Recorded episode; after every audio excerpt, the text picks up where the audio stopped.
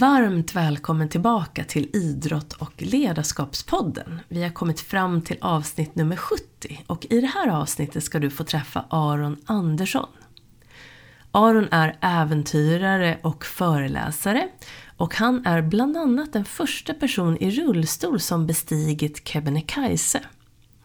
Du har säkert eh, sett Aron i allt från programmet Vinnarskallar till Världens barngala nu här bara för någon vecka sedan. Och jag vill passa på här att säga ett stort grattis till Arons seger i Vinnarskallar. Och eh, när du lyssnar på avsnittet så kommer du förstå varför. Så stort grattis Aron och har du inte sett Vinnarskallar så in och kika här i efterhand för att se både Aron och de andra deltagarnas fantastiska prestation. Så avsnittet är fyllt av kunskap och inspiration från Arons alla äventyr och erfarenheter från hans livsresa som är inte annat än fantastisk. Så jag önskar dig nu en fantastisk lyssning och eh, luta dig tillbaka, ta några djupa andetag och eh, så kör vi.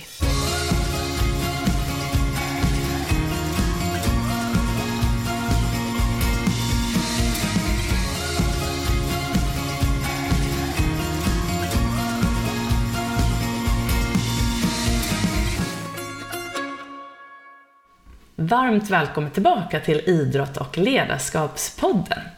I det här avsnitt nummer 70 så ska du få presentera en fantastisk gäst som heter Aron Andersson. Och Aron är äventyrare, inspiratör och en av Sveriges mest anlitade föreläsare med över 100 uppdrag per år. Föreläsningarna om hur man ska nå sina mål och maximera sin potential har inspirerat många av landets största och mest framgångsrika företag. För 25 år sedan, när Aron var sju år, så förändrades hans liv totalt och han fick cancer och en mycket tuff återhämtningstid följde. Aron besegrade cancern, men blev rullstolsbunden och en helt ny tid öppnade sig. Aron började därefter satsa fullt ut på idrott och här stärktes hans självförtroende igen och vid 13 års ålder så vann han sitt första mästerskap, junior-VM på 100 meter race. Därefter har han varit med i fyra Paralympics och är den första personen i rullstol som bestigit Kebnekaise. Han har också bestigit Kilimanjaro, klarat en Ironman på Hawaii 2017, åkt skidor till Sydpolen, cyklat till Paris, utfört en svensk klassiker och mycket, mycket mer. Och alla äventyr innefattar en insamling till Barncancerfonden. Arons motto i livet handlar inte om vilka förutsättningar du har, utan vad du gör med dem. Och idag ska det bli otroligt spännande att prata mer om hur du gör för att behålla motivationen och ta dig framåt trots svåra motgångar och mycket mer. Varmt välkommen hit Aron. Ja, men tack så mycket. Kul att vara med. Jättekul att du tog dig tid. Ja, absolut. Hur känns det när jag liksom beskriver din historia? Så här, något du vill lägga till eller? Jag vet inte, det känns som man har gjort ganska mycket grejer så. Ja. Det, det varit väldigt intensivt de senaste åren. Ja. Så. Eh, Jag hittade ju äventyret för ett gäng år sedan och sen har det bara kört på Ja. efter det. Så du är- lite. Du är 32 idag. Ja, jag, är 32. Ja. Jätteung och liksom har gjort allt det jag börjar känna mig ändå... Jag förstår Nej, det. inte gammal, men mycket Ja. äldre i alla fall. Ja, det är för att du har gjort så himla mycket. När gjorde du ditt första sånt här äventyr som var Kebnekaise? Vilket var det första äventyret? Man, som man Eh, kallar äventyr? Ja, men det var väl Kebnekaise egentligen. Ja, det var det. Och Mm. det var, det var 2013, Mm. så det är sju år sedan nu då. Mm. Eh, och det, ja men det var ju det startskottet för allt. Ja. Alltså. Ja, det ska bli jättespännande att prata mer om allt det här. Och, eh, men jag måste börja med att säga att när jag har sett dig på TV, för du är ju där en hel del och i andra sammanhang, så tycker jag alltid att du lyser av så mycket glädje och inspiration och väldigt mycket lugn. Så blir du aldrig nervös, eller hur känner du dig när du är i sådana sammanhang? Nej, och TV har jag nog inte blivit nervös på det sättet. Det är mer som man blir peppad kanske. Så. Alltså, jag går ju igång på det. Man får ju, får ju som en adrenalinkick av det. Så. Men, men, men jag brukar någonstans här kanalisera det som, som så här, men energi eller så så pirr. Och som att jag snarare blir mer skärpt av det. Än att jag blir nervös. Så. Just det. Så det är ingenting du behöver göra in, inför, så att du gör någon andningsövning eller för att liksom komma Jo, ner men jag har lite sådana ritualer jag gör. Ja, du gör det. Ja. Ja, men, men till exempel, jag, för, för något år sedan här så skulle jag dela ut ett pris på Idrottsgalan och då är det väl ändå så här en och en halv miljon tv-tittare och live och sånt. Och det gäller ju inte att göra bort sig helt. Ja. Så, det, annars kan man ju ta om allt i tv liksom. Men, men, men då är jag ju liksom backstage och så, så gör jag min, min ritual liksom för att komma igång och peppa igång mig själv och sådär. Ja, Absolut. ja, just det. Har du någon så speciell andningsövning eller något som du vill dela med dig av?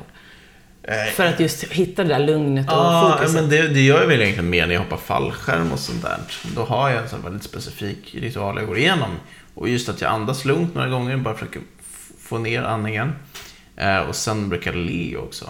Mm, Och bara, bara leendet känner jag har en stor effekt. mm, Och sen liksom lägger jag handen på bröstet slår- mig själv på bröstet några gånger. Så pumpar igång mig själv också. mm. Så att försöka hitta den här kombinationen, men det vet ju du som jobbar med mental tränare, liksom hitta kombinationen mellan, mellan liksom så anspänning och avslappning. Mm. Hitta den optimala balansen där.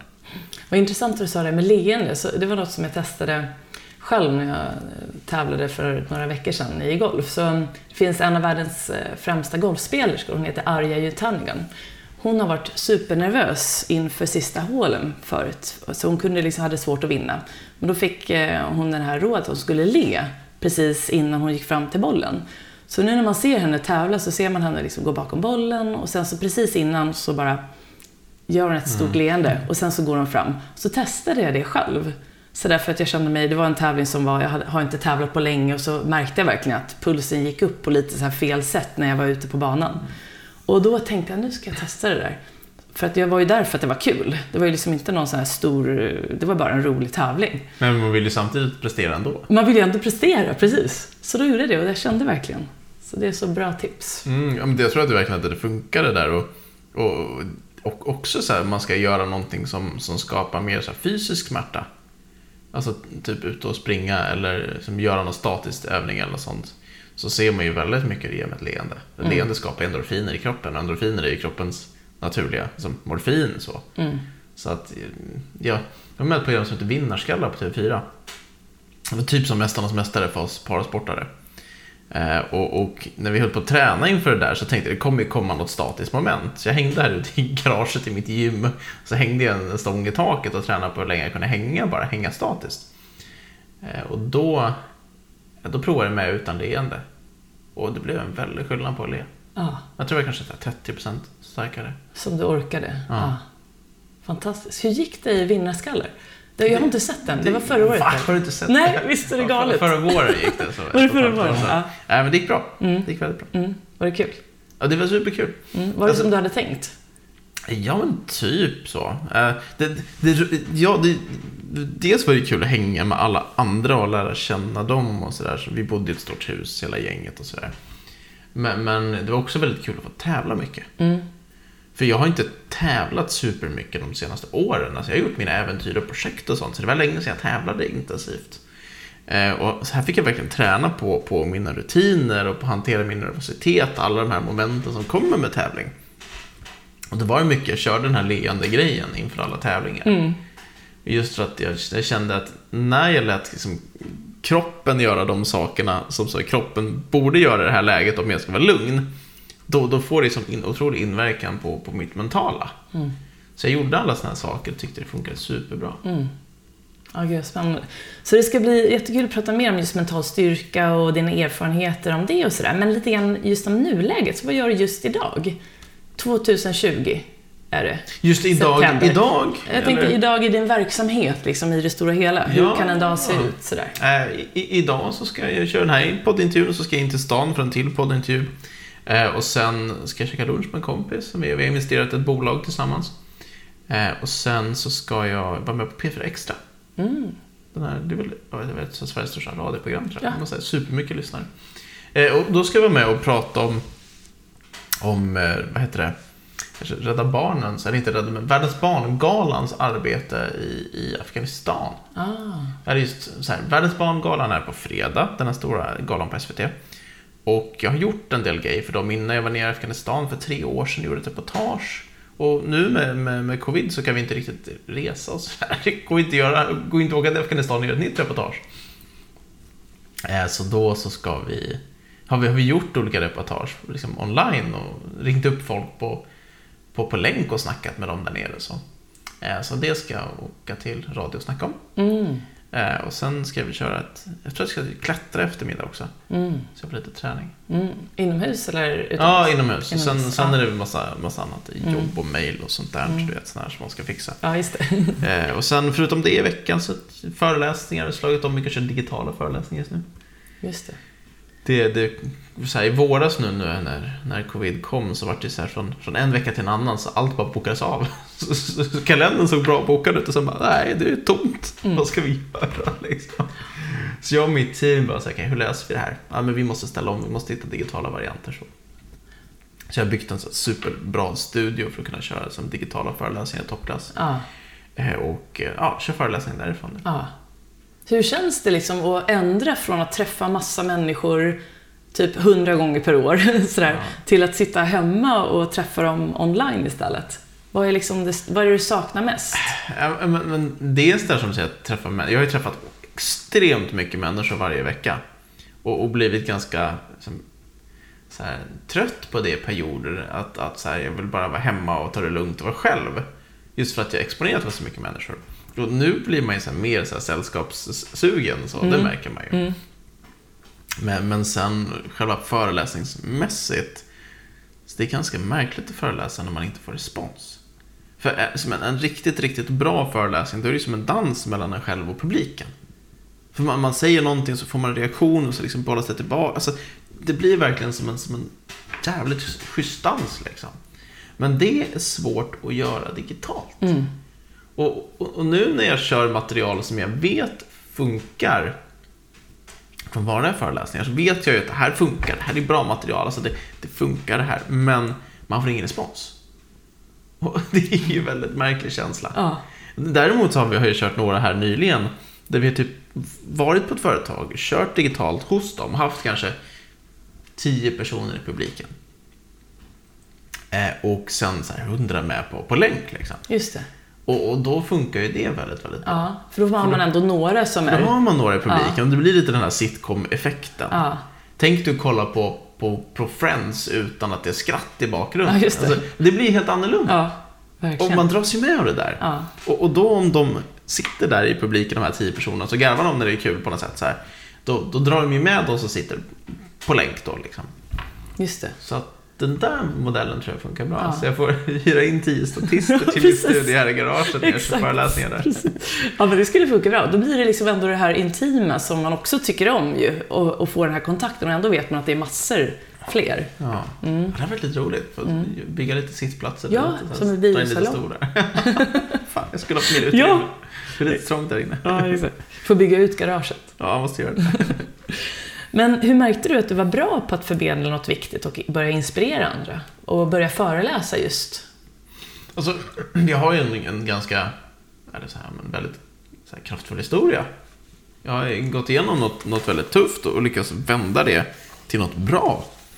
Eh, och jag förstod ju ganska tidigt att det finns någonting här. Och sen, sen levde jag som elitidrottare och tänkte att det här är en bra kombination. Så jag kan föreläsa en dag i veckan, en dag i månaden. Tjäna helt okej pengar på det samtidigt som jag är ute och tränar och gör de sakerna jag vill göra. För jag insåg att det är svårt att kombinera elitidrott med ett heltidsjobb. Så. Eller med, med ett vanligt jobb. Det, det, det är tufft liksom. Eh, och så, så, så började jag med så här, men, dra i det där och försöka hitta föreläsningar och komma ut och sådär. Ja. Sakta men säkert så började man få några få uppdrag. Liksom, men, ja, det var svårt att få snurr på det. Så gjorde jag Kebnekaise. Vart extremt mycket media. Och då fick jag ett uppsving med bokningar också. Mm. Och ja, på den vägen är det. Just det. Hur var det att bestiga Kebnekaise? För du berättade, det var ditt första... Det var skitjobbigt. Ja. Hur Alltså, förberedde du fan. dig? Vad var det som gjorde att det blev just Kebnekaise som blev din första just så här äventyrs... Ja, men jag varit utmanad av min, min vän Johan som är äventyrare. Ja, Eh, Så vi, vi satt och snackade om det där och, och, och han sa så här, men det här borde vi göra. Så här, och jag sa nej, du, du är dum i huvudet. Alltså jag sitter i rullstol, det går ju inte, det fattar du väl. Och, och sen så, så, vad heter det? Så fortsatte han att pusha. Och jag sa nej, och han fortsatte pusha. Jag sa nej och sådär. och till slut så bara, nej, okej. Vi provar väl då. Vi ger ett försök.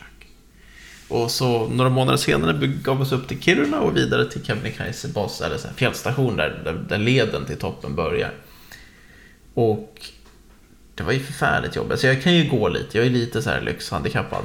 vilket är en jäkla tur.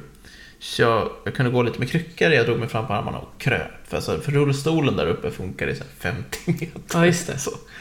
Och, alltså, jag var så slut redan tidigt där på berget. Det är en ganska lång vandring. Mm. Så att alltså, för att palla, jag, var så här, jag räknade stenar. Liksom. Jag såg till att hitta en sten 100 meter längre fram och sa till mig själv. Den stenen, dit ska jag ta mig. Sen, sen skiter vi i det här. Och så där fortsatte det så här. Det var en sten till, och en till, och en till, och en till.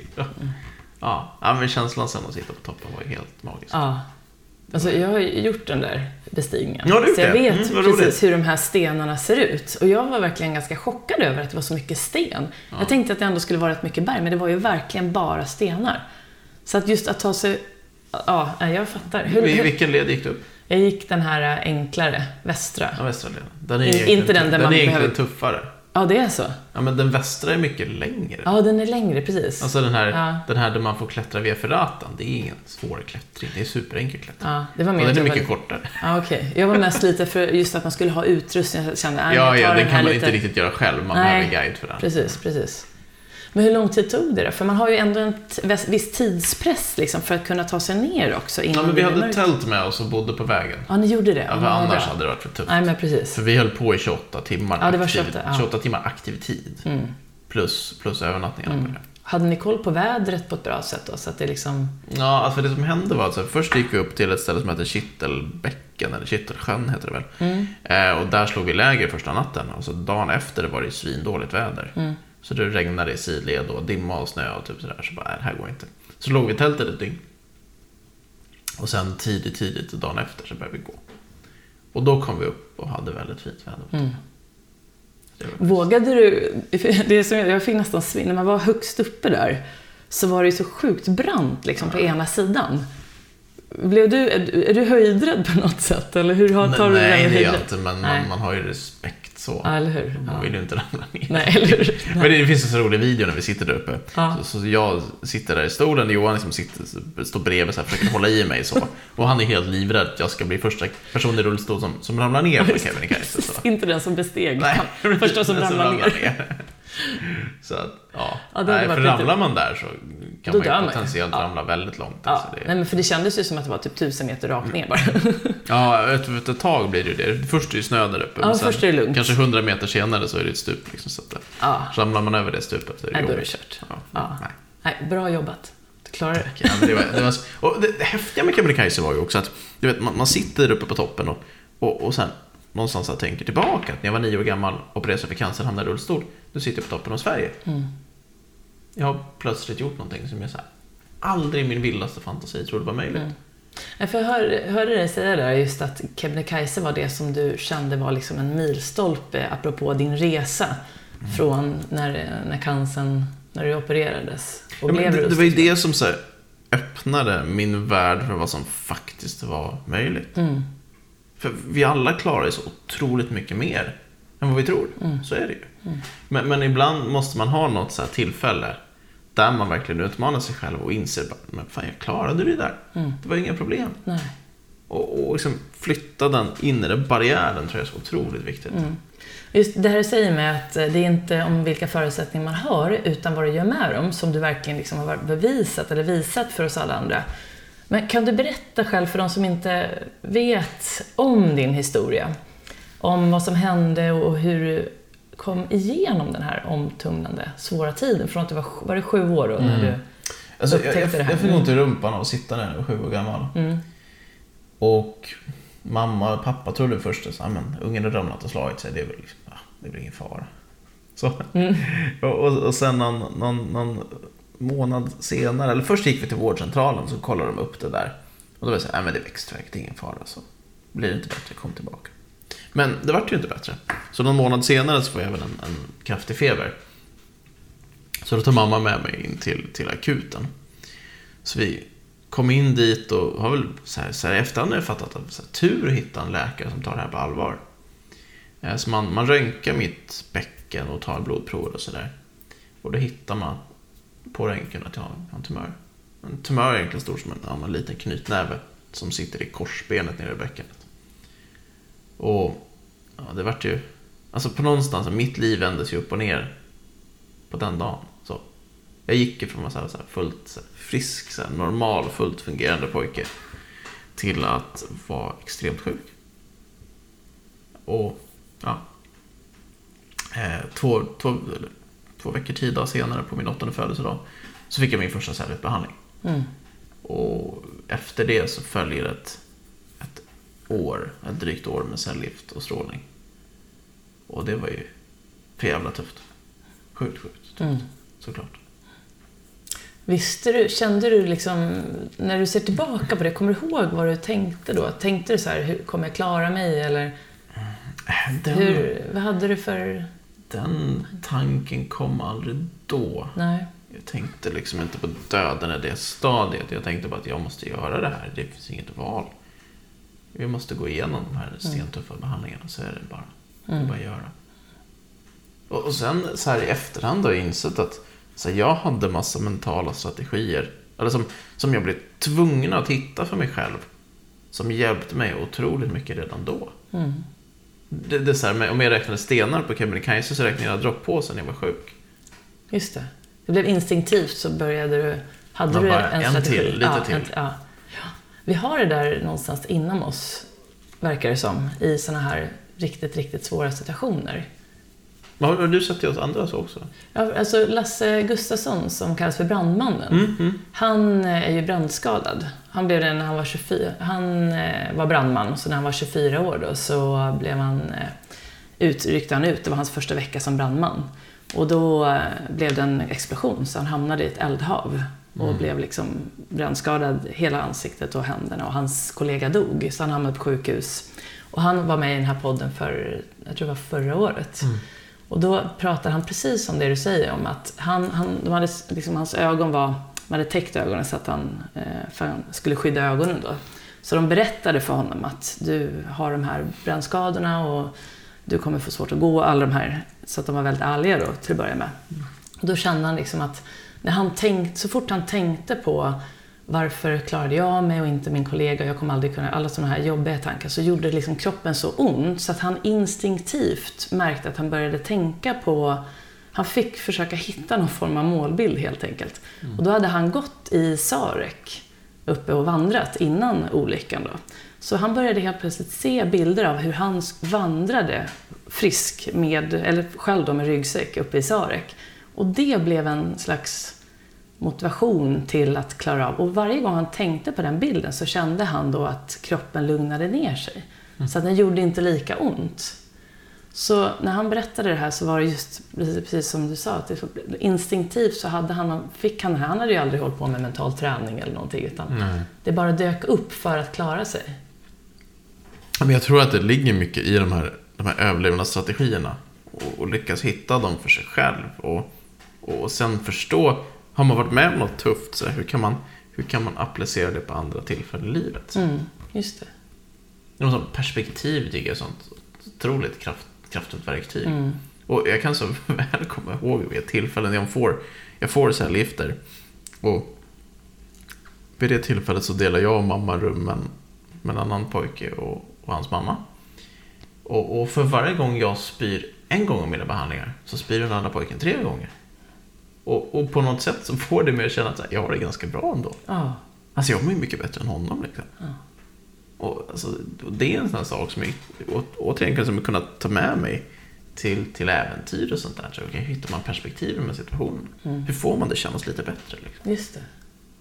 Så, så från den tiden då som var liksom fruktansvärd, vad var det som gjorde sen att du kunde hitta jag menar, jag tänker tillbaka på liksom när, när du började med idrottskarriären igen och så vidare. Kan, vad var det som Mm. gjorde att du hittade tillbaka till motivationen och när du började känna att du gick mot att bli frisk från att först ha varit sjuk? Ja, men de, och de opererade mig när jag, var, när jag var nio sen och tog bort tumören. Och det gjorde så att jag hamnade i rullstolen, som Okej. skar nerver så. Mm. Eh, och sen, sen hade jag en tuff rehab under ett års tid. Och sen fick jag till slut min, min första rullstol. Och när jag hamnade i stol då så, så tänkte jag mig så här, idrott vore kul. För jag hade ju sportat innan jag blev sjuk. Jag hade så här, som alla unga, lite fotboll, innebandy och sådär. Eh, så jag, jag började testa alla möjliga idrotter. Och, och liksom tyckte det var så jäkla kul allting. Jag höll på med innebandy och det var liksom pingis och det var det var friidrott, det var segling, det var källkock. Jag gjorde det mesta. Jag tyckte det var superkul allting. Liksom. Eh, och det gav mig så mycket glädje. Mm. Att, att få röra på mig och så få träffa vänner och liksom känna att jag kunde vara bra på någonting. För ganska snabbt så kände jag så att jag, jag var bra på många av de här sporterna. Alltså jag kunde, liksom, kunde Mm. bli duktig på det på något sätt. Och det ger ju en så här, ja, positiv feedback är ju bra. Verkligen. Hade du någon förebild, någon mentor sådär, just den tiden? Ja, men det var väl några olika så. Alltså dels så var det några killar i hockeylaget som man såg upp till väldigt mycket som var så superduktiga. Eh, tills min tränare i friidrotten som var så kanon också. Ja, Mm. ja, men så. Mm. Vad betyder mental styrka för dig? Ja, men det är väl det som är styrka i, för mig. Så. Alltså så här, fysisk styrka är väl jättebra, men det kommer man inte så långt på. Nej. För det är, ju mentala, det är bara det det handlar om. Ja. Så. Kan man träna upp mental styrka? Ja, men det är jag helt övertygad om att man kan. Och, Ja. och, men alltså, att träna upp det handlar väl egentligen mycket om att här, gå igenom saker som Ja. kanske är lite kämpiga och, och förstå för sig själv hur man faktiskt gör. Alltså, träna mentalt är som att träna vilken muskel som helst skulle jag säga. Ju mer saker du utsätter dig för, desto lättare blir de sakerna Mm. Att liksom göra igen. Mm. Ehm, vi har lite lyssnarfrågor som kommer dyka upp här. Mm, lite. kul. Och en, är, en undrar om du någon gång blir trött på att dela och prata om din story? Ja, alltså har man kört så här 12 föreläsningar på en vecka så absolut. Men, men, men i de tillfällena får man ju någonstans switcha runt och tänka så här att jag, jag gör det inte här för mig, jag gör det för dem som sitter i publiken och jag tror att jag kan ge ett värde för dem. Och sen nu har jag börjat köra mer och mer så interaktiva föreläsningar så man inte riktigt vet var de kommer hamna. Vilket är mycket, mycket roligare. Mm. För då, då måste jag vara på, på, på tå också. Just det. Så. Ja. Och ehm, hur gör du för att behålla motivationen och glädjen i det du gör? Jag tror glädje är själva nyckeln. Mm. Att, att hitta det som så här, faktiskt är, är väldigt, väldigt kul. så. Alltså, om, om jag idag skulle gå till... Alltså jag är ju friidrottare i grunden. Det var det jag höll på med under många år och skulle bli bäst i världen på friidrott. Det blev väldigt monotont efter ett tag, så jag tränade sina tio pass i veckan runt, runt på en friidrottsbana. Men, men om, alltså idag har jag ett liv där jag har så väldigt mycket variation också. Jag gör väldigt mycket det jag tycker är kul. Så här, men får jag för mig nu att så här, men jag vill göra ett äventyr, alltså jag vill göra ett kajakäventyr. Fasiken vad kul liksom. Så jag följer väldigt mycket så här, min, inre, min inre kompass på sådana saker. Mm. Just det. Jag tror det är det som gör stor skillnad. Och hur gör du för att själv hålla dig i form? Hur tränar du för att liksom vara frisk och må bra? Och... Alltså, som, som sagt, jag kommer från friidrotten och tränar väldigt, väldigt mycket så här enformig träning. Och, och nu har jag gått över till att variera väldigt mycket. mm. Men som, som den här veckan träningsmässigt, jag kommer att köra styrka, jag kommer att åka klättra, eh, cykla troligtvis, paddla kajak. Alltså jag varierar väldigt mycket. Mm. Jag tror just nu kajak är min huvudträning. Det är grunden. Just Sen det. bygger jag mycket annat runt det. Liksom. Ja. Och hur äter du för att hålla uppe form? Mm, äter du på något speciellt sätt? Ja, liksom? jag är ganska noga med min kost. Så. Ja. Jag, redan från så här 2009 tror jag, eller 2008, 2009 tror jag, så la jag av med gluten. Och, och insåg att min kropp fixade inte det. Eh, och sen under en period var jag vegan. Men det funkade inte för mig. Jag blev hur smal som helst. Jag kunde inte bygga muskler. Eh, men det, det som jag upplevt, som jag kört senaste året nu, som jag upplevt funkar bra, att jag kör keto. Eller typ LCHF. Ja, okej. mycket fett och protein. Mm. Nästan inga kolhydrater. Just. Håller på att experimentera med det för att här, lära min kropp att bli bättre på att bränna fett. Så att det är så här, schyssta ekologiska köttbitar, mycket smör och Ja. grädde och sådär. Ja. Lagar du mycket mat själv? Ja, det gör jag väl, men det är ingen så här särskilt avancerad matlagning. Nej. Alltså jag gör typ så här, jag steker på en köttbit, eller gör någon så här gryta. Och så gör jag sallad till. Ja. Alltså supersimpelt. ja. Inga konstigheter? Nej. Nej. Nej men, för- men keto upplever jag att jag funkar väldigt bra på. Mm. Så det känns som att så här, jag har haft en höft som har strulat en del och jag har inte ont från den på samma sätt Ja, längre. det är så. så. det känns, Mm. att det, så här, känns som att det är antiinflammatoriskt.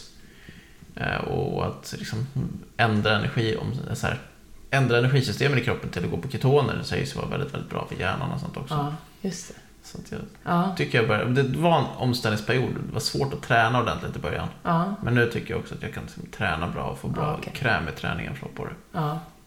Ja, spännande. Mm. Du, apropå målbilder och eh, önskade lägen och sådär, så föreläser du väldigt mycket om just mål och motivation. Mm, absolut. Och eh, hur viktigt är det att ha mål i tillvaron? Tror du? Alltså, för mig i alla fall och för, liksom, för väldigt många jag jobbar med så, så det blir ju en helt annan grej att ha en riktning och veta var man är på väg. Och, för det är så lätt annars, så här, man, man har, har inget mål, man har ingen riktning och då, det blir allt lite slentrian på något sätt. Och har, har det här fokuset, så liksom har det så, ah, Mm.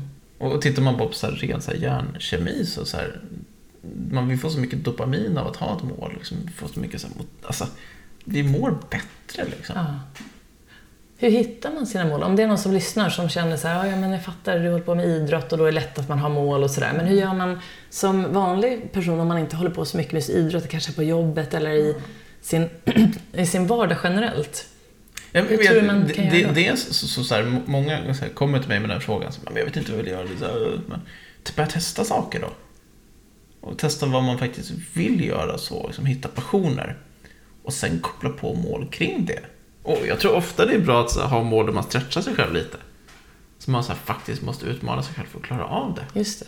Och, och sen samtidigt så här, inte vara för rädd för att, för att misslyckas med det. För är man det så vågar man aldrig köra Nej. någonstans. Våga prova. Ja, men Ja. Vå, vå, våga liksom spänna bågen lite. Ja, Och inte vara rädd för att misslyckas. just det. Det blir så lätt att vara det. Eller Så vilket gör att man aldrig riktigt kommer igång och aldrig riktigt börjar. Just det. Jag hade en eh, munk med här i förra veckans Ja, eh, cool. eh, podd. En buddhistmunk som heter Yangdom. Okej. Och hans, en av hans råd var just det, men bara, vi pratar mycket om meditation då. Det är många som tänker att jag borde meditera, så kanske man Ja. inte har gjort det. Och så läser man alla böcker om det och så kommer man inte igång. Han bara, men prova bara. Bara prova lite. Det behöver inte bli perfekt. Och så får man väl liksom bara go for it och så se vad som händer. Mm. Ja, men verkligen. För det är många som så här skrajar för att misslyckas. Mm. Och det är väl jag också såklart. Men fan, man måste ju våga pusha det också. Mm. Har du gjort? Har du misslyckats någon gång sådär? Jag Något som har aldrig misslyckats hela mitt liv. Precis. Det är bara lärdomar. nej, nej, men det är klart man har gjort det. Mm. Misslyckats supermycket liksom. Mm. Men, men som du säger, så här, vad, vad ser man det som sen? Ser man Ja. det som en misslyckande eller som en lärdom? Precis. Det, det är så mycket där i det ligger. Ja. Och väljer man att se det som en lärdom, då, då, då, då blir det ju inte ett misslyckande på det Nej. sättet. Kanske folk ser det utifrån, men det är väl skitsamma vad folk tycker. Ja. Jag brukar tänka på, apropå mat, jag tror att de bästa maträtterna har typ skapats för att någon råkade lägga i fel ingrediens av misstag.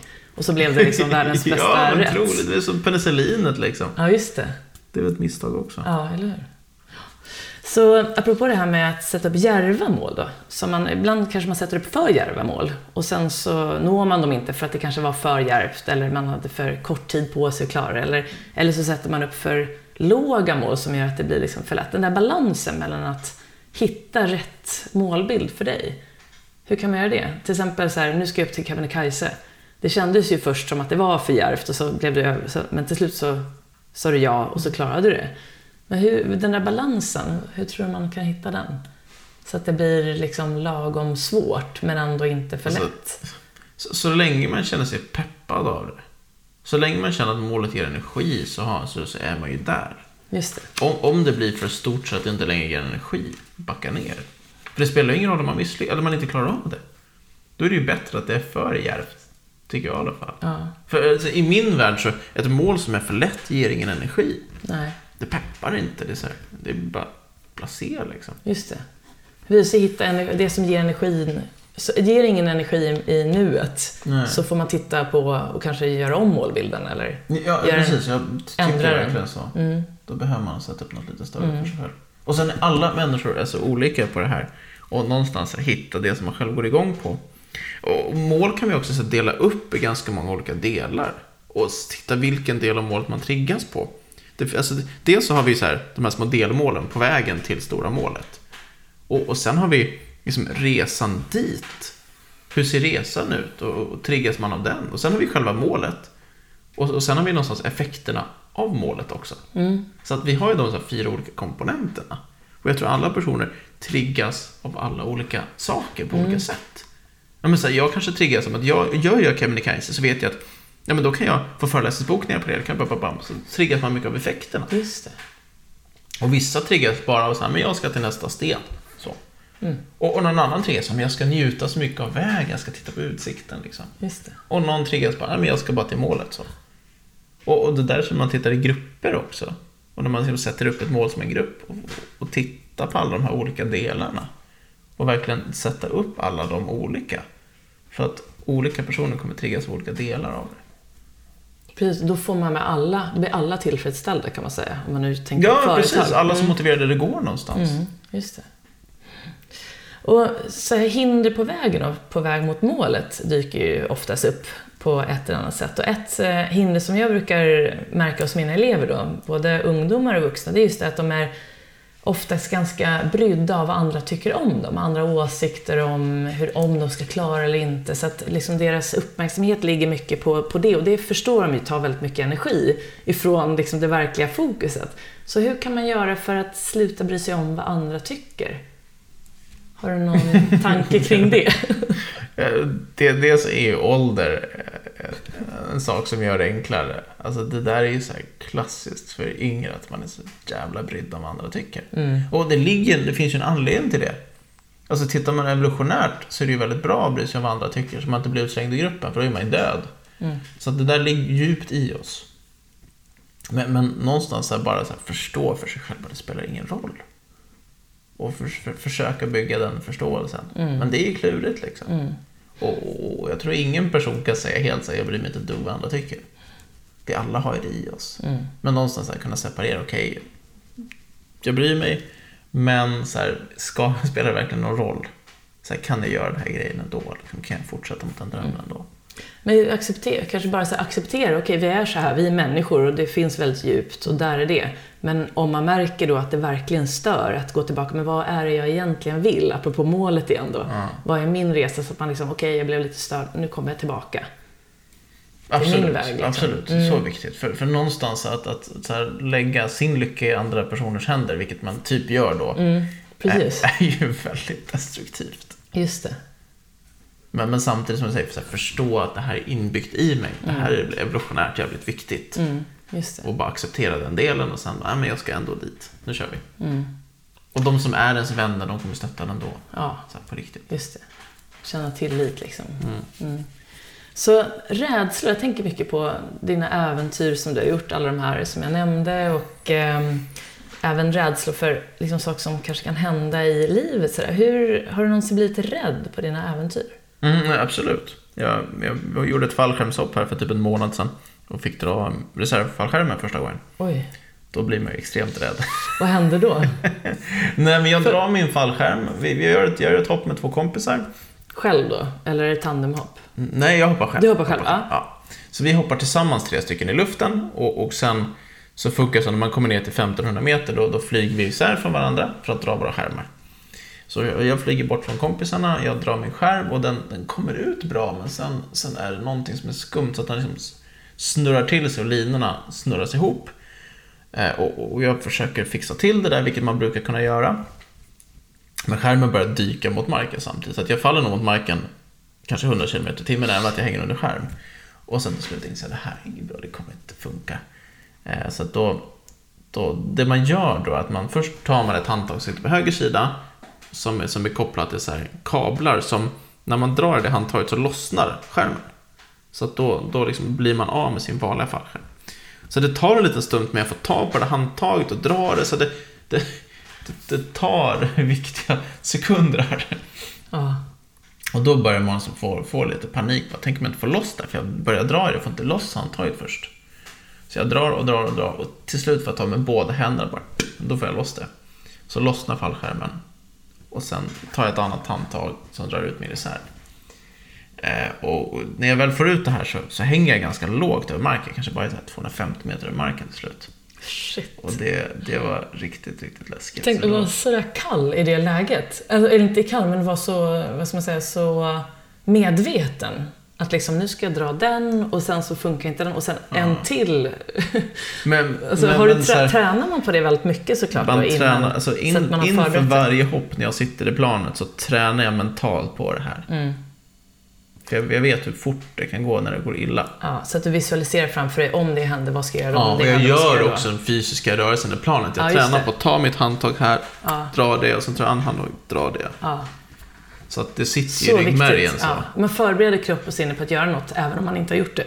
För det är så den enda chansen visste man ju har. Mm. exakt vad jag skulle göra. För om man skulle hänga där, när fallskärmen snurrar och går mot marken i 100 blås. Och jag så här, vilket handtag var det jag skulle dra nu? Nej. Ja, men då är man död liksom. Men är det någonting som ingår i träningen, att man ska visualisera på det sättet? Eller är det något som du gör på grund av din erfarenhet? så här, först när man lär sig hoppa så går man igenom det här väldigt noga och tränar på. Man hänger i en så här sele på marken och så tränar man och drar dem där och sådär. Eh, Och sen när man har väl gått kursen och lärt sig det där så får man göra lite hur man vill. Det finns ingen som säger att här, man, man måste göra det här varje gång i planet. Eller så. Absolut inte. Men Nej.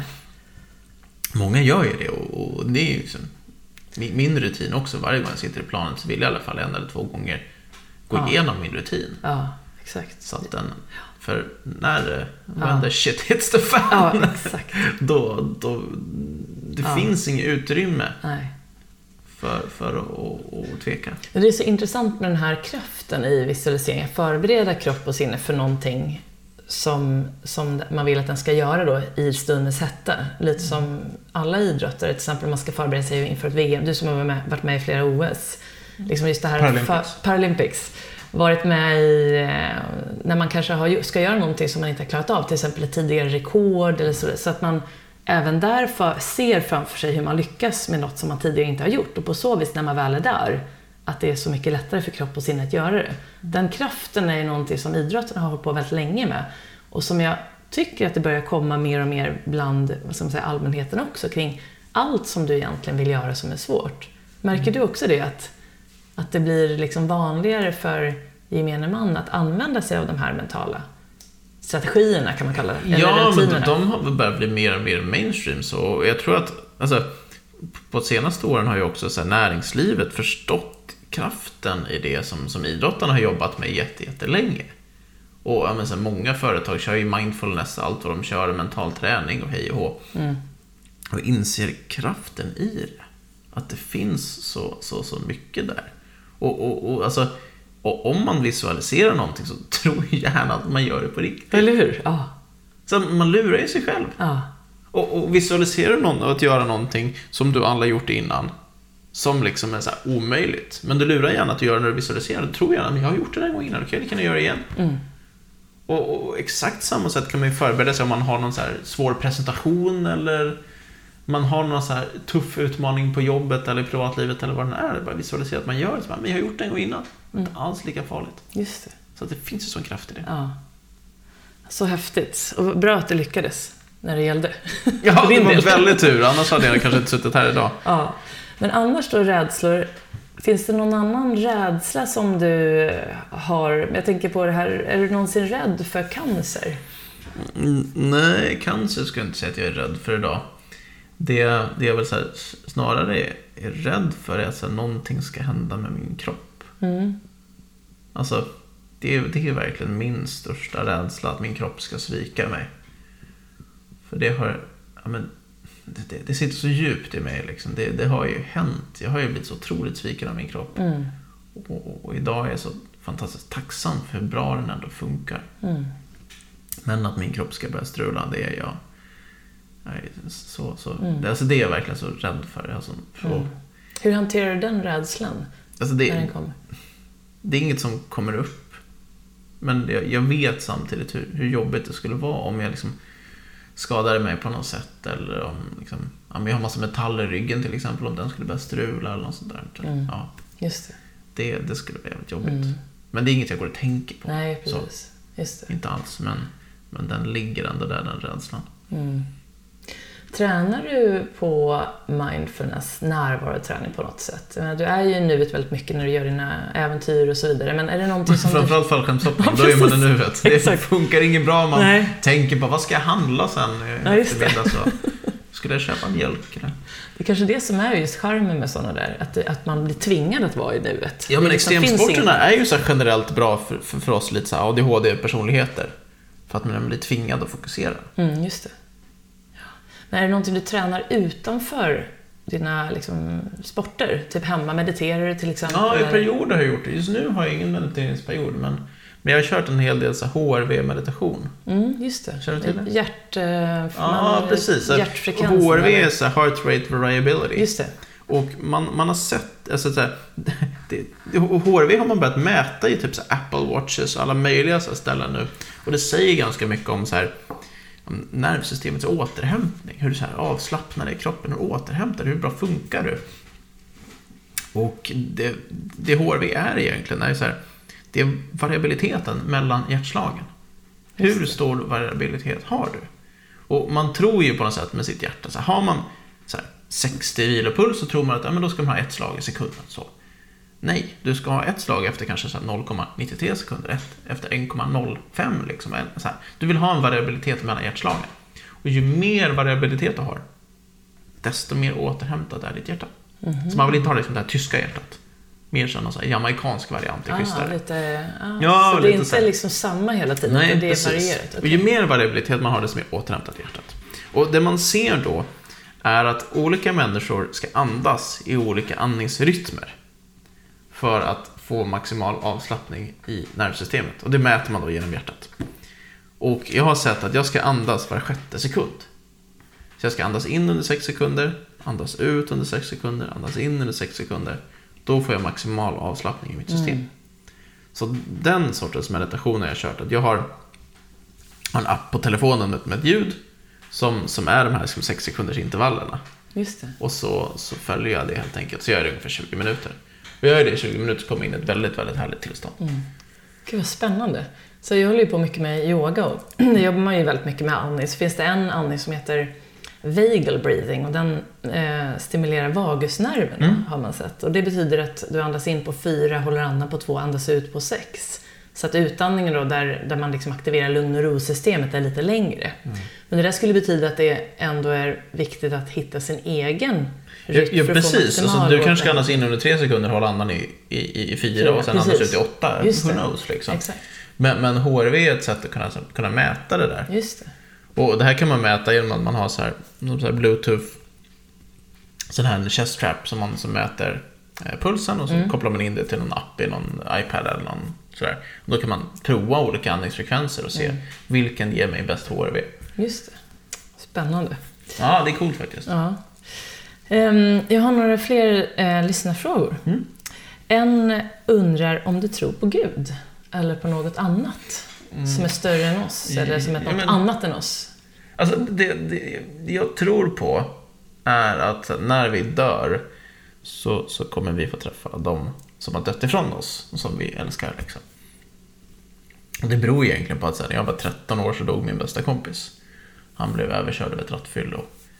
Och ja, han, ja, han överlevde inte. Och för att jag skulle någonstans här orka det då och ja, kunna ta mig igenom det så, så, så tro, tänkte jag att ja, men jag får träffa Erik när jag dör. Och det gjorde det så mycket lättare att hantera den situationen. Mm. Så det tror jag på. Om det är så, vem vet, det kanske bara blir svart. Ingen aning. Men den tanken gör mitt liv lite lättare. Mm. Har du någon gång fått något tecken från honom? Har du känt att han har varit med någon gång? Nej, nej, svårt att säga. Bara i att han finns där liksom, Ja. inom dig? Jag tänker att jag bär honom med mig så. Mm. Men inget tecken Mm. på det sättet. Mm. Och eh, från Jamina Enerdal då, som var min förra gäst. Hon Mm. är, vet du vem Jamina är? Nej. Hon är, eh, vet du djup, hon har världsrekord i djuphavsdykning i, på eh, dynamisk apné. Apropå andning. Jaha. På ett andetag har hon simmat så långt som en kvinna kan göra. Läckert. Och sen har hon Hur långt är det? Jag tror att det var 97 meter. Det är långt. Eller hur? På ett andetag. Ett andetag. Alltså jag skulle behöva typ 40 andetag Ja. för det. Så hon, det tog, jag tror hon höll andan då två minuter tog det. Och sen så har hon då när hon har tränat på att hålla andan utanför just aktiviteten, Ja. då har hon hållit i sex minuter. Ja, det är coolt Ja. alltså. Jo, men hon undrar om du tror att vi behöver vara med om motgångar för att bli mentalt starka, eller om det går att bli det ändå? Ja, det är klart det går att bli det ändå. Men, men som, som, som vi var inne på innan, alltså, ju mer man, man så här, tränar, desto starkare blir man ju. Mm. Och, och, och har du aldrig varit med om några motgångar i hela ditt liv och så, så kommer en kraftig motgång så vet du inte hur du ska hantera det. Du har inte verk, du har inte knep, alltså, du har inte strategin för det. Men, men om du har liksom förberett dig på det, om du har liksom tänkt på hur gör man de här lägena, om man har gått igenom liksom en plan för sig själv, det är klart att det blir enklare. Mm. Men, men som jag tänker, många, många ungdomar speciellt idag, alltså vi, vi bor i ett ganska bra område i Täby. Många ungdomar här har ju inte som sett, haft några problem med livet alls. Det är bara, åh, jag fick ingen moppebil när jag fyllde 16. Åh, stackars liten liksom. Mm. Det är den värsta motgången de har gått igenom. Eller jag fick en begagnad moppebil. Mm. Oh no, liksom. Eh, och, och då komma ut i riktiga livet sen. Och, och, och, plötsligt stöta på riktiga motgångar. Mm. Då är du inte förberedd. Hur fan ska det gå? Ja. Det är Vad klart, tror, vad, tror, vad tror du man kan göra om man nu bor i ett sånt här område, så är du förälder så allt är bra och så vill man ändå att barnen ska bli starkare mentalt. Hur kan man liksom utmana dem? Har du några... Mm, jag, jag tror det ligger mycket i liksom låta dem lösa utmaningar själva, låta dem Mm. lösa problem själva. Mm. Ja, men, men du, vill, du vill börja på någon den här grejen nu, så här, men jag kommer inte skjutsa dig dit. Så här. Ta, så hitta sätt att lösa det. Lös problemet. Utmana lite. Så. Det är klart man kan skjutsa ungarna hela tiden, och så där, men låta dem hitta sina sätt att lösa problemen. Precis, man bygger ju så mycket självförtroende hos barn också. De märker att jag Ja, klarar det de faktiskt känner det. jag fixar det här själv. Ja. Shit, vilken grej. Ja. Och, och, och hjälpa dem att bygga det. Sen, jag är ingen expert på liksom, föräldraskap. Jag har inga tonåringar. Så Du eh, donerar ju väldigt mycket av dina inkomster till Barncancerfonden.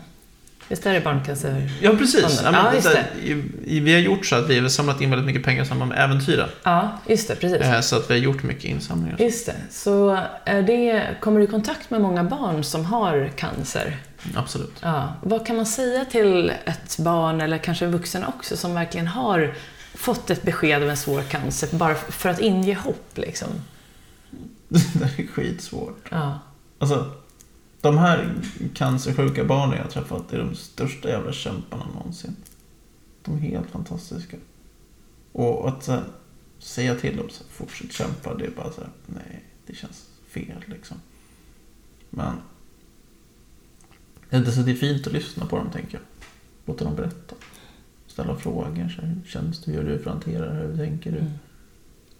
Bara Ja. där. Ja. Mm. Men att hålla på och ge tips, det är jättesvårt. Mm. Liksom.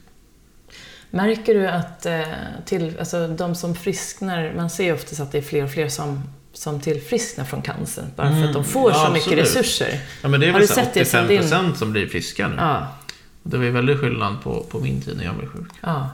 Och att det gör skillnad, all de här, den här forskningen som Mm. görs, att man satsar väldigt mycket på just att barnen ska klara sig. Absolut, det är en Mm. väldig skillnad. Mm. Men, men, men det, det man kämpar mycket med nu i, i barncancerforskningen är ju så här senkomplikationer. Vad sa du? Sen... Senkomplikationer, alltså eller komplikationer Ja, ja, precis, från ja. seneffekter så, Just det. från, från cancerbehandlingen. Mm. Det som, som jag hamnar i rullstol, jag tycker ändå det, det är ganska bra på något sätt. Alltså många, till exempel de som har haft hjärntumör, får otrolig hjärntrötthet. Vilket gör att man har svårt att funka i ett så här vanligt samhälle. Just det. Så det är mycket sådana saker man kämpar med idag. Hur, hur, hur gör vi så att man får ett bättre liv efter behandlingen? För, för behandlingarna då är så extremt tuffa. Ja, men det är cellgifter och det är strålning och det, är att det bryter ner en kropp så jävligt. Mm. Och hitta sätt hur bygger man upp kroppen efter det. Just det. Du, vad har du för eh, egna framtidsplaner? Vi har pratat mycket om äventyr och liksom, eh, du pratar om du håller på med fallskärm nu Mm. och sådär. Har du någonting som ligger i pipelinen när det gäller nästa äventyr? Ja, det finns en massa roliga grejer. Ja. Eh, Dels, vi skulle åkt till, till, eller vandrat upp till Everest Base Camp här nu i våras. Mm. Men, men med covid-pandemin som slog till här så var det lite svårt. Så det har vi skjutit till nästa vår nu och hoppas vi kan resa då. Vi vet inte än, men det får vi tiden utvisa. Förutom det så håller jag på att planera en massa så här roliga äventyr. Vi håller på att titta på, så här, skulle vi kunna göra en... Så här, jag och en kompis som heter Oskar Kilborg, som är så här, superduktig äventyrare. Vi, vi har en idé om att göra ett så här, tv-program. Där han är också väldigt, väldigt duktig fotograf. Och göra ett tv-program där jag liksom, tar mig an någon utmaning på något sätt och sätter rullstolen på en plats där rullstolen inte borde kunna vara. Typ så här, fly, sitta med rullstol ovanpå en luftballong och flyga över Stockholm. Och sen hoppa fallskärm från den här luftballongen. Typ så. Och så tar han en sjukt läcker bild på det här. Och så blir det massa så här, så här sjuka bilder bara. Sådana här, så här episka håll käften-bilder. Mm. Som bara, fan det där borde inte... Så här, det är sådana här bilder du får titta tre gånger bara, men det här borde inte gå. Är det Photoshop det där? eller Ja, precis. Alla barn bara, nej, det är fake. Nej, det är fake. riktigt. ja, precis. Det är på riktigt. Ja. Och, och göra ett program av det där.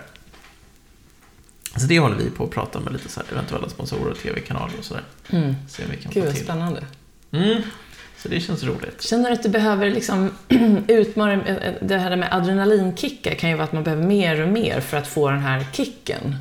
Känner du att du har den, eh, det drivet i att du vill liksom ut, att det ska bli lite farligare hela tiden? Det behöver inte vara farligare. Det är liksom inte, inte det jag är ute efter. Det, är, alltså, det ska vara kul äventyr. Och Mm. här idéer som jag går igång på. Och, och jag har gjort så mycket nu så då vill man ju ha lite nya utmaningar och nya projekt att göra som känns lite annorlunda. Så där, man behöver utmana sig själv. Och det behöver inte vara adrenalinmässigt. Det kan också vara att man behöver liksom klura ut en plan för hur man lyckas göra den där grejen. Eller hur man tänker runt det. Det behöver Mm. absolut inte vara farliga saker. Nej. Vart kan man få, är det på aronandersson.se? Mm, det är min hemsida, Det så där där kan man man gå in och läsa om alla gamla äventyr och Ja, sånt. Och, det. och vill man boka föreläsningar och sånt kan man göra det också. Det. Men, men annars är det väl Instagram och Facebook. Det är bara att söka på Aron Andersson så hittar man mig. Det är Ja. Andersson med ett S. Just det, precis. Så då blir det var viktigt. enklare. Just det. Man kommer, så, man kommer Ja. fel annars. Mm. Eller jag vet inte om det finns någon annan med två S. Ja. Ett Nej, S i tror inte alla det, fall. men ett Nej, S. Ett S, Det blir det viktigt. Ja, vad spännande. Men du, om du fick välja nu tre saker att säga till den som lyssnar som kanske just nu drömmer om en förändring eller som kanske kommer, är på, vill komma ur en stor svacka, hitta ljuset igen, kanske bli en stor ledare, nå ett drömjobb eller sådär. Vad skulle du säga då? Har du några så tre saker som du skulle vilja skicka med till lyssnaren? Eh, jag har en sån eh, här, men mental, vad heter det, liten formula jag jobbar ganska mycket med som jag tycker är schysst. Och den, den, den heter MAT. Och det står för mikromål, anledning, tacksamhet. Och de tre sakerna tycker jag det finns så mycket kraft i. så. Det är så här mikromål, så här, vad är nästa lilla steg? Så här, vad är fokus just nu? Vad är nästa lilla steg som känns väldigt uppnåeligt? För att säga just att komma ur en svacka. eller något men jag, jag känner mig, jag är här, det är jobbigt, men så här, jag ska inte tänka att jag ska så långt dit bort nu, utan jag ska bara till det där lilla stället där framme. Ta mig dit så. Och eh, A står för anledning. Sen vad, är, vad är anledningen till det jag gör? Vad är mitt varför? Och, och klura lite, grotta lite i det. Så, man, var, varför vill jag härifrån och varför är jag inte nöjd med att vara här? Och, och varför vill jag dit bort istället? Vad är min anledning till det? Jag tror ju, ju, ju bättre och starkare svar vi har för oss själva på den frågan, desto mer kraft får vi också. För det ligger så mycket i det. Eh, och, och sen T till tacksamhet. Och, och, och nyckeln för mig till att hitta tacksamhet ligger väldigt mycket i perspektiv.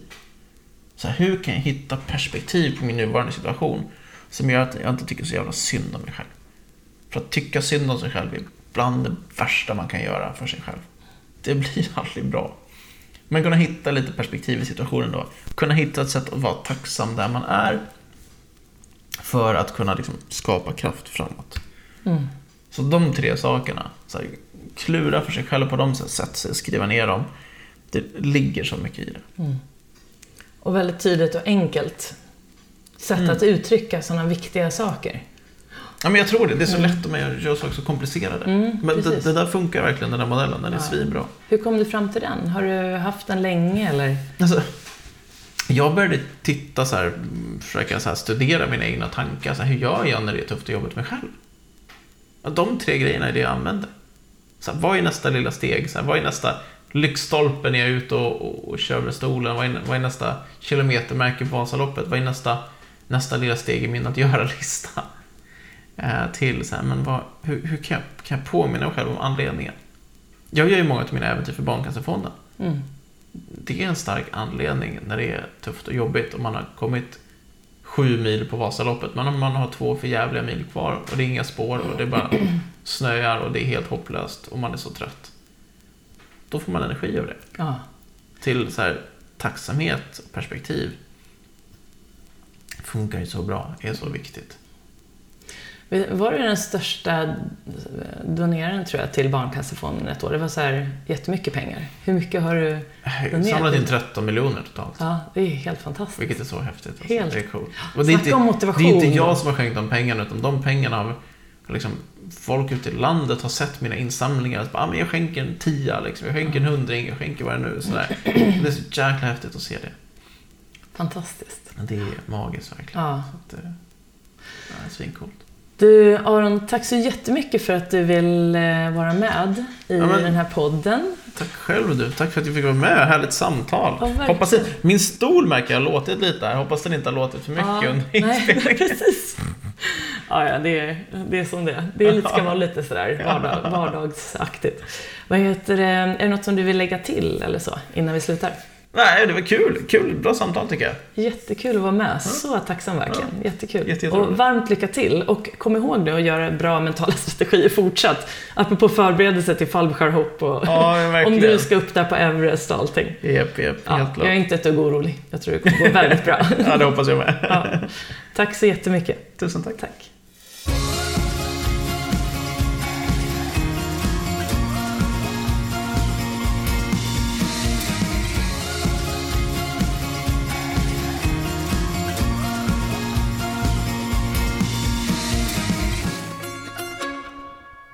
Då har du fått lyssna till mitt samtal med Aron Andersson och jag hoppas att du har njutit av det här avsnittet och eh, tagit med dig en hel del inspiration och motivation in i din egen vardag.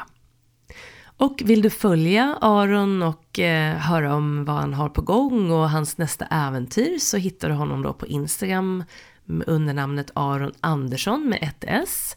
Och så kan du också hitta mer information om honom och kanske boka honom för en föreläsning på aronandersson.se och Andersson då också med ett S. Och vill du veta mer om vad som händer i eh, Idrott och ledarskapspodden och eh, hos Jenny Hagman så går du in på jennyhagman.com och eh, du kan också följa mig på Jenny underscore Hagman på Instagram för att veta mer om vad som händer framöver. Så nu vill jag önska dig en fortsatt trevlig dag eller kväll och att du tar hand om dig och eh, fyller på med precis det du behöver för att må och fungera på topp. Vi ses snart igen. Hejdå!